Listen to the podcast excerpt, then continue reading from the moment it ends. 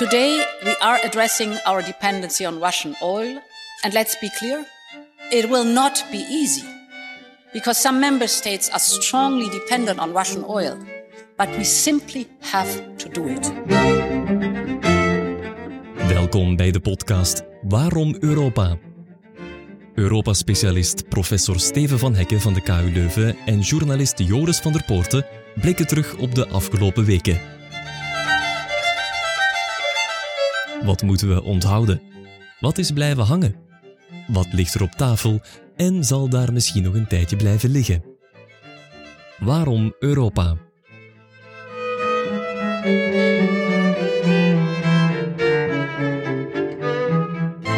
Veel energie in deze aflevering. Als die van Rusland komt, wil Europa er eigenlijk van afgeraken. Het zou een manier zijn om dat land te sanctioneren. Tegelijk wil Europa die energie ook schoner, groen als het kan. En als we terugblikken op de voorbije maand, moeten we het ook hebben over de Europese ambities op het vlak van defensie. Over de perikelen rond de brexit die maar blijven aanslepen en de Europadag. Het slot van de conferentie over de toekomst van Europa vond plaats in Straatsburg. Ik praat erover met Europa-specialist Steven van Hekken en zoals steeds ook een gast, energie-expert aan de Gentse Universiteit, Thijs van de Graaf. Dag Steven. Dag Thijs. Dag Joris. Hallo. Ja, de maand mei is wat begonnen met de aankondiging van dat zesde sanctiepakket. Nog eens recapituleren, Steven, wat zit daarin? Ja, inderdaad, het zesde pakket, dat betekent dat er al vijf geweest zijn. Het laaghangend fruit is al geplukt. Er blijven nog wel een paar verlengstukken in, die we ook al gezien hebben in de vorige sanctiepakketten. Meer uh, mensen die op de sanctielijst staan. Men gaat nu ook uh, de zogenaamde consultants viseren. Iedereen die meewerkt met de Russen om de sancties te onzeilen. Maar natuurlijk de pièce de résistance, het hoofdbrok, is natuurlijk het fameuze olie-embargo of olieban liever, waar de commissie voorstelt om tegen eind van dit jaar al uh, onafhankelijk te zijn van Russische olie. Maar goed, dat is de wens van de Europese Commissie. De lidstaten moeten natuurlijk meedoen en Thijs, dat loopt blijkbaar niet zo vlot, hè? Nee, we zijn tegen het einde van de maand en we zien dat het uh, embargo nog steeds niet uh, op unanimiteit kan rekenen. Um, er, is, er zijn een aantal Centraal-Europese landen, uh, in het bijzonder Hongarije, die uh, dat niet zien zitten op dit moment, omdat zij vrezen dat zij in de problemen gaan komen. De commissievoorzitter von der Leyen heeft al een paar keer toegevingen gedaan. In het laatste voorstel zou Hongarije twee jaar extra de tijd krijgen. Maar zelfs dat is voorlopig nog niet voldoende gebleken om uh, Budapest over de streep te trekken. We hebben het over landen, maar eigenlijk zijn het de bedrijven zelf hè, die, die dat moeten bannen.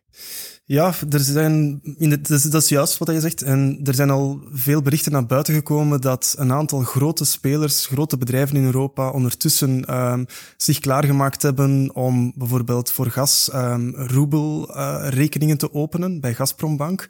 Dus je ziet dat zij ja, een, een, belangrijke rol spelen, inderdaad. Als ze die rekeningen openen, dan veronderstel ik dat ze niet willen meedoen met een ban. Ja, wel, voor, voor gas is er natuurlijk geen, geen embargo puur sang dat op tafel ligt. Daar is het de ambitie van de commissie om tegen het einde van dit jaar twee derde minder Russisch gas te importeren. Um, wat olie betreft, ja, daar, daar, uh, daar is, ligt het embargo wel op tafel. Maar ook daar zien we dat bijvoorbeeld MOL, dat is een uh, Hongaars oliebedrijf dat uh, voornamelijk in eigendom is van de staat, die hebben een aantal raffinaderijen, niet alleen in Hongarije zelf, maar ook in buurlanden, die exclusief bevoorraad worden met Russische aardolie. En zij vrezen dat het type raffinaderij dat zij hebben, dat dat niet zomaar kan overstappen op andere aardolie van, van elders. Dus uh, ja, ik denk dat zij wel wegen op het, op het Hongaarse nationale standpunt. Je wees op die roebels, hè, die roebelrekeningen. Dat is het gevolg van de druk die Poetin zet natuurlijk. Hij, hij vraagt dat hè, om, om in roebels te betalen. Ja, Poetin ziet die vijf sanctiepakketten uh, niet met leden ogen aan of, of heel passief aan en, en hij is actief tegenzetten aan het ondernemen. Dus hij heeft uh, op 1 april een decreet ondertekend waarbij dat hij eist dat voor Russisch gas voortaan in roebel betaald wordt. Uh, de Europese Commissie heeft al twee keer een communicatie naar buiten gebracht om te zeggen van wat kan en wat kan niet. Als je kijkt naar de sancties die al zijn aangenomen. Maar het blijft een beetje blauw-blauw en er is een grote schemerzone waar dus de grote uh, energiebedrijven, de utilities, Engie, uh, INA in Italië, um, een aantal Duitse energiebedrijven, RWE en Uniper, die hebben daarvan gebruik gemaakt van die onduidelijkheid om toch al zich voor te bereiden en een roebelrekening te openen. Roebelrekeningen worden geopend, Steven. Hongarije ligt een beetje dwars. Zie je dat uh, nog komen, die unanimiteit over dat zesde pakket? Ik denk het wel, alhoewel ook met een meer aarzeling uh, dan voordien, omdat we natuurlijk toch niet hadden gedacht dat het nu zo lang zou duren. We wisten wel dat dit sanctiepakket lastiger zou zijn van, dan de vorige, maar het blijft wel duren. Anderzijds, als we naar Hongarije kijken en het verzet van een aantal andere Centraal- en Oost-Europese landen, zeggen zij toch dat het niet, geen principiële verzet is. Dus het is niet per se dat ze Poetin een cadeau willen doen. Het gaat eerder om een pragmatisch economisch probleem dat ze opgelost zien en waarvan ze in de richting van de Europese Unie kijken om dat te overcompenseren. Waar wat natuurlijk de andere lidstaten ook met ledenogen aan zien. Dus wellicht is er dan toch een eh, compromis nodig na verschillende ronde armworstelen. Ja, kijken naar de gevolgen voor het eigen land en als dat gecompenseerd wordt, eventueel meedoen met een, uh, met een ban. Ja, iedereen maakt zijn eigen rekening natuurlijk, wat de impact is uh, van die van die olieban. En zeker ook weten dat er misschien mogelijk nog een gasban zit aan te, kopen, aan te komen. Dus iedereen maakt zijn eigen rekening en probeert er het onderste uit de kant te halen. En dat geldt zeker voor het, Victor, uh, voor het Hongarije van Viktor Orbán. Ja, om tegen 2027 volledig van die olie en gas uit Rusland af te geraken, heeft de Europese Commissie afgelopen maand een plan voorgesteld onder de noemer Repower EU. We horen commissievoorzitter von der Leyen. With Repower EU, we show that we can replace Russian fossil fuels by working on three levels. The first level is on the demand side. That is saving energy. Sounds simple, is simple, but very effective. Then on the supply side, it's of course diversifying away from Russia for fossil fuels and towards other reliable, trustworthy suppliers. And the most important part, accelerating the clean energy transition. So massive investment in renewable energy.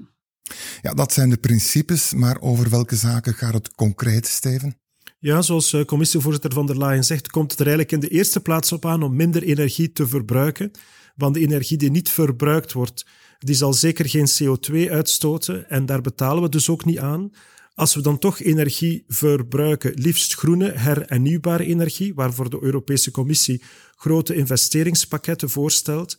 Uh, en als het dan echt moet, fossiele brandstoffen, maar dan zeker geen Russische. Dus dan is de vraag uh, aan de lidstaten om zoveel mogelijk hun, um, hun aankoopbeleid te diversifiëren, zodat we niet meer, zoals nu het geval is, afhankelijk zijn van één grote speler. Ja, en diversifiëren, daarmee bedoel je ook eens kijken naar de golfstaten, Qatar, Amerikaanse olie bijvoorbeeld? Ja, het gaat zeker over andere spelers in de wereld, trouwens ook niet altijd de meest democratische staten als we naar het Midden-Oosten kijken, maar ook en vooral LNG, vloeibaar gas uit de Verenigde Staten, waarvoor nu al uh, extra terminals worden gebouwd, onder meer in Duitsland. Ja, Thijs van de Graaf, energie-expert.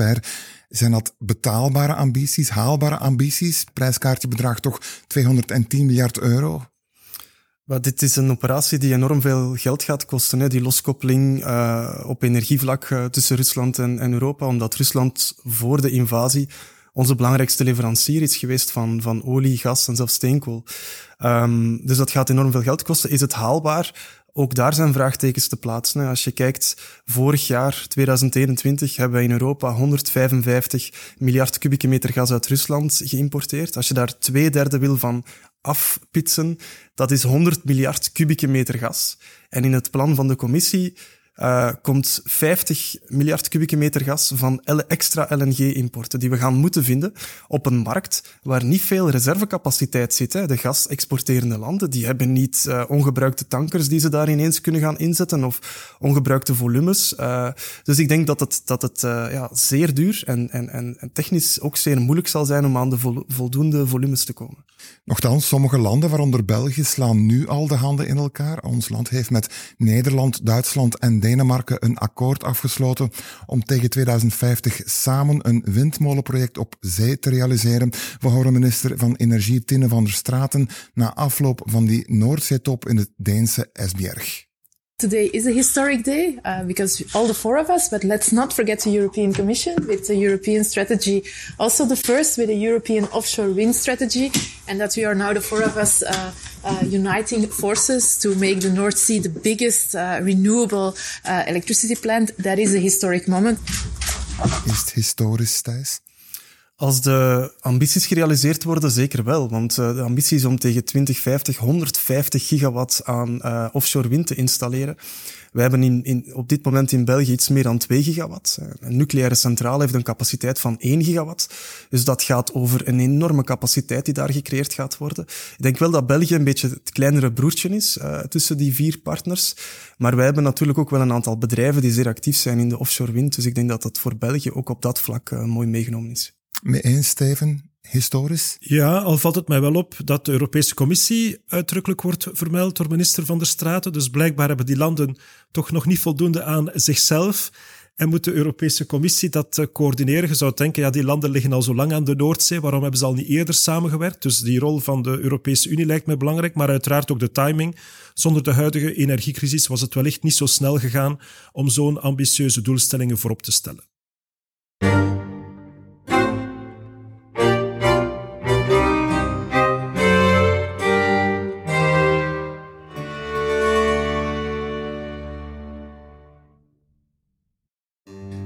Oorlog in Oekraïne heeft ook nog iets anders dan energieafhankelijkheid blootgelegd. We hebben onze inspanningen op het vlak van defensie te lang afgebouwd, zegt buitenlandvertegenwoordiger Josip Borrell. Non, on va pas vers la troisième guerre mondiale, sans doute pas nous.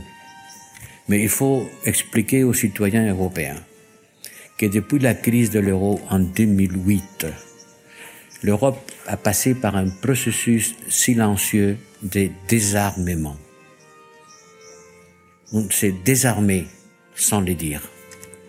Parce qu'on a réduit nos capacités militaires entre 2008 et 2014 d'une façon vraiment euh, choquante.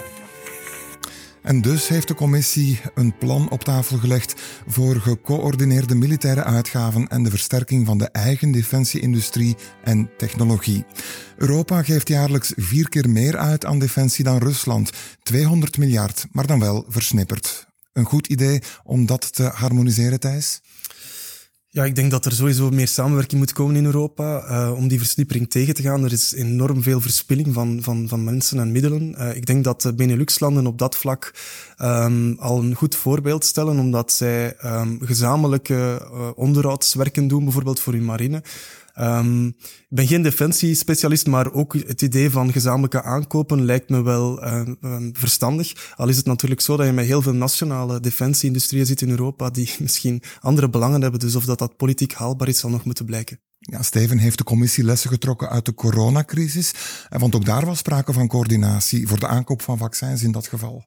Ja, dat speelt zeker een rol, alhoewel we natuurlijk al veel langer weten uh, die lijstjes zijn al gemaakt van wat er eigenlijk zou moeten gebeuren om de defensiecapaciteit op te drijven. En met name inderdaad gemeenschappelijke aankopen. De Europese Commissie ziet daar inderdaad een, een model. Wat ze gedaan heeft namens de alle lidstaten onderhandelen met farma-bedrijven wil ze nu ook toepassen. Eventueel zelfs op uh, gas- en olie-bedrijven.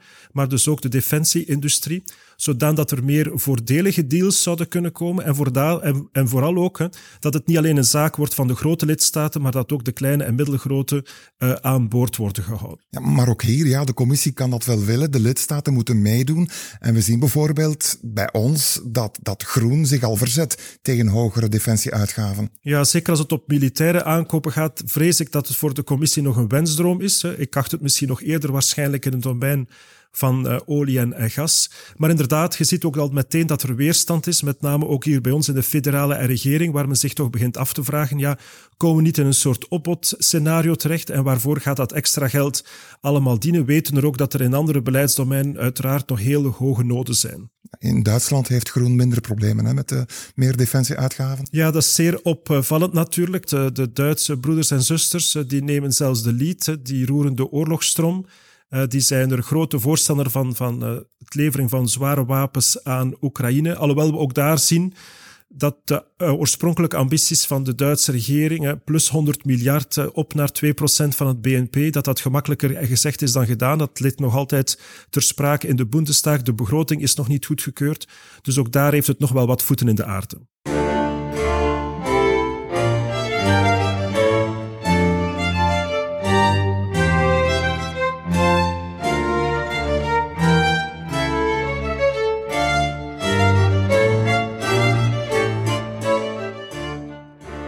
Think all that I would do is underline what we've said before, uh, time and time again, that the European Commission and the EU more broadly is fully committed to working jointly with the UK to find joint solutions that address the issues that have been raised by people and businesses in Northern Ireland, full stop. That's what we want to do, that's what we were committed to continuing to do, uh, and that's our intention going forward. Ja, dat was Daniel Ferry, een van de woordvoerders van de commissie over de Noord-Ierse kwestie. De Britse regering wil namelijk terugkomen op het zogeheten protocol dat deel uitmaakt van het Brexit-akkoord. Steven, waarom was dat protocol alweer nodig? Het Noord-Ierland-protocol regelt eigenlijk de situatie in Noord-Ierland post-Brexit. Eh, grenscontroles tussen eh, Noord-Ierland en de Eerste Republiek zijn uitgesloten omwille van de Goede Vrijdagakkoorden. Dus dat betekent dat er daar ook geen goederen kunnen gecheckt worden.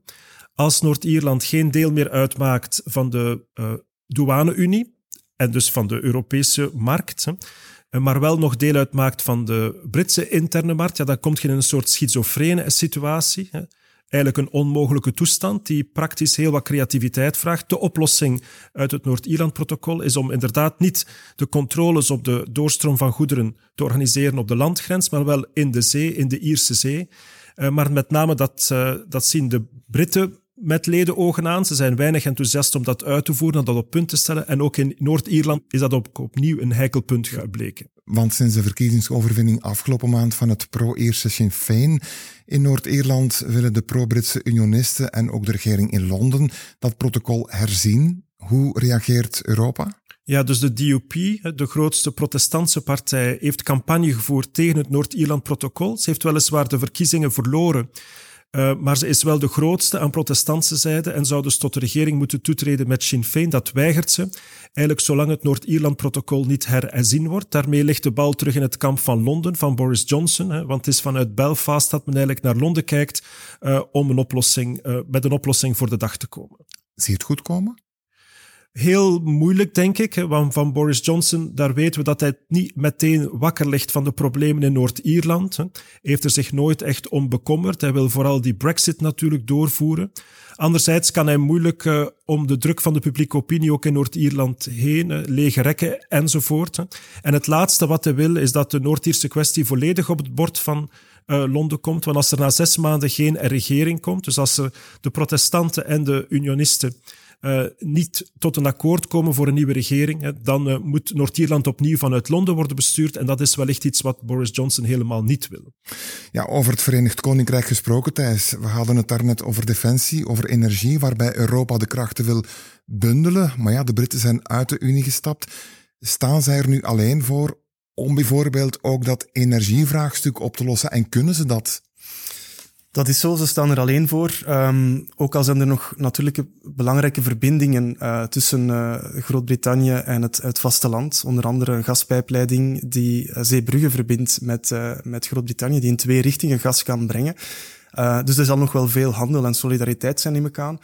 Um, maar als het aankomt op bijvoorbeeld groepsaankopen voor gas, iets wat nu ook voorgesteld is door de commissie, ja, dan zal dat zonder de Britten zijn en zullen zij het alleen moeten rooien. En dan zullen we moeten zien of de brexit op dat vlak ook de Britten meer soevereiniteit heeft gebracht of niet.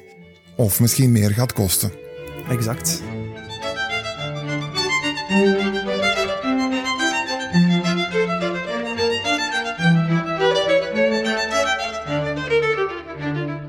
Intussen loopt het Franse voorzitterschap van de Unie op zijn laatste benen. Maar op de slotdag van de conferentie over de toekomst van Europa heeft de nieuw verkozen president Macron nog eens het woord genomen.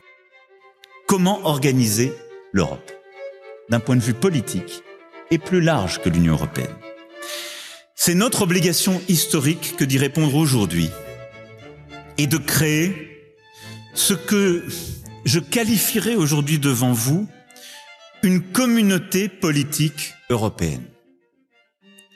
Cette organisation européenne nouvelle permettrait aux nations européennes démocratiques, adhérant à notre socle de valeurs, de trouver un nouvel espace de coopération politique, de sécurité, de coopération en matière énergétique, de transport, d'investissement, d'infrastructures, de circulation des personnes et en particulier de nos jeunesses. Ja, van Macrons vorige Europa-toespraak in 2017 zou je kunnen zeggen, die is blijven hangen, heeft ook een blijvend effect gehad. Denk aan het concept strategische autonomie. Maar hoe evalueer je deze toespraak, Steven? Hoe realistisch is die wens om naast de Europese Unie een nog meer uitgebreide politieke unie in het leven te roepen? Ik denk dat deze speech in tegenstelling tot de Sorbonne-speech de geschiedenisboeken niet zal halen. Uh, al is het maar omdat natuurlijk de in een algemene zin het, Europadag werd overschaduwd door de oorlog in Oekraïne. Nu, de speech van Macron is daar een antwoord op. Of dat het antwoord ook is van de landen die hij uh, in zijn achterhoofd heeft, heeft, dat is zeer de vraag. Trouwens, de lijst is al zo uit, uitgebreid van allerlei domeinen dat je kunt afvragen, ja, wat is dan uiteindelijk nog het verschil met lidmaatschap? Nu, je moet ook veel aanbieden, denk ik, om een aantrekkelijk pakket te genereren. Het probleem is, denk ik, bij die betrokken landen zelf. Voor ons zou het wellicht interessant zijn om een aantal landen in een soort invloedssfeer, in een aantal ringen rond ons te laten circuleren, te laten cirkelen. Dat is trouwens ook niet de eerste keer dat dat idee wordt geopperd. Het probleem is altijd dat de landen zelf veel minder enthousiast zijn. Zij willen eigenlijk volwaardig lidmaatschap. Zij willen niet op het plan B terechtkomen. Zij willen voluit deel uitmaken uh, van die Europese Unie. En vroeg of laat komt dat dossier dan toch terug op het bord van de staatshoofden en regeringsleiders, welke voorstellen er ook worden gelanceerd. Hoe kijk jij ernaar, Thijs? Wel, ik denk dat het inderdaad is, zoals Steven zegt, uh, er is een lange traditie in Europa van uh, de wens, dat kunt teruggaan tot Charles de Gaulle en nog verder, om, om, om een soort van geopolitiek blok te vormen dat in de wereldpolitiek, die vandaag de dag altijd maar multipolairder wordt, om daar toch op eigen benen te kunnen staan en niet weggedrumd te worden tussen de China's, Rusland en, en, en Verenigde Staten van deze wereld. Dus ik denk dat het, dat het vooral de wens is om, om op geopolitiek vlak ook iets te betekenen en een eigen bufferzone, invloedszone van, van landen aan, aan, aan jou te binden. Ook al zijn dat niet allemaal landen die uh, op korte termijn lid zullen worden van de Europese Unie. Ja, en om nog één keer terug te blikken op die presidentsverkiezingen in Frankrijk, Steven, moeten we toch vaststellen dat er ja, in Europese kringen heel wat opluchting is geweest over die overwinning van Macron, toch? Inderdaad, een grote oef in de Europese instelling, maar ook in vele hoofdsteden van die Europese Unie. Misschien op Budapest na, waar Viktor Orban misschien of wellicht heimelijk hoopte op een overwinning van Le Pen. Inderdaad, een verderzetting van het beleid van Macron, waar veel over te vertellen valt, maar toch een zeer duidelijke pro-Europese koers aanhoudt. En in die zin toch ook wel een, een verademing, een opluchting, te weten dat de komende vijf jaar uh, ook Frankrijk en met name Macron wellicht een leiderspositie zal opnemen in het uittekenen van hoe de Europese Unie er in de toekomst moet uitzien. Oké, bedankt voor dit gesprek, Steven van Hekken, Europa-specialist aan de KU Leuven, en Thijs van de Graaf, energie-expert aan de Gentse Universiteit. En u, beste luisteraar, bedankt om deze podcast te beluisteren. In onze volgende aflevering blikken we terug op de maand juni. Tot dan.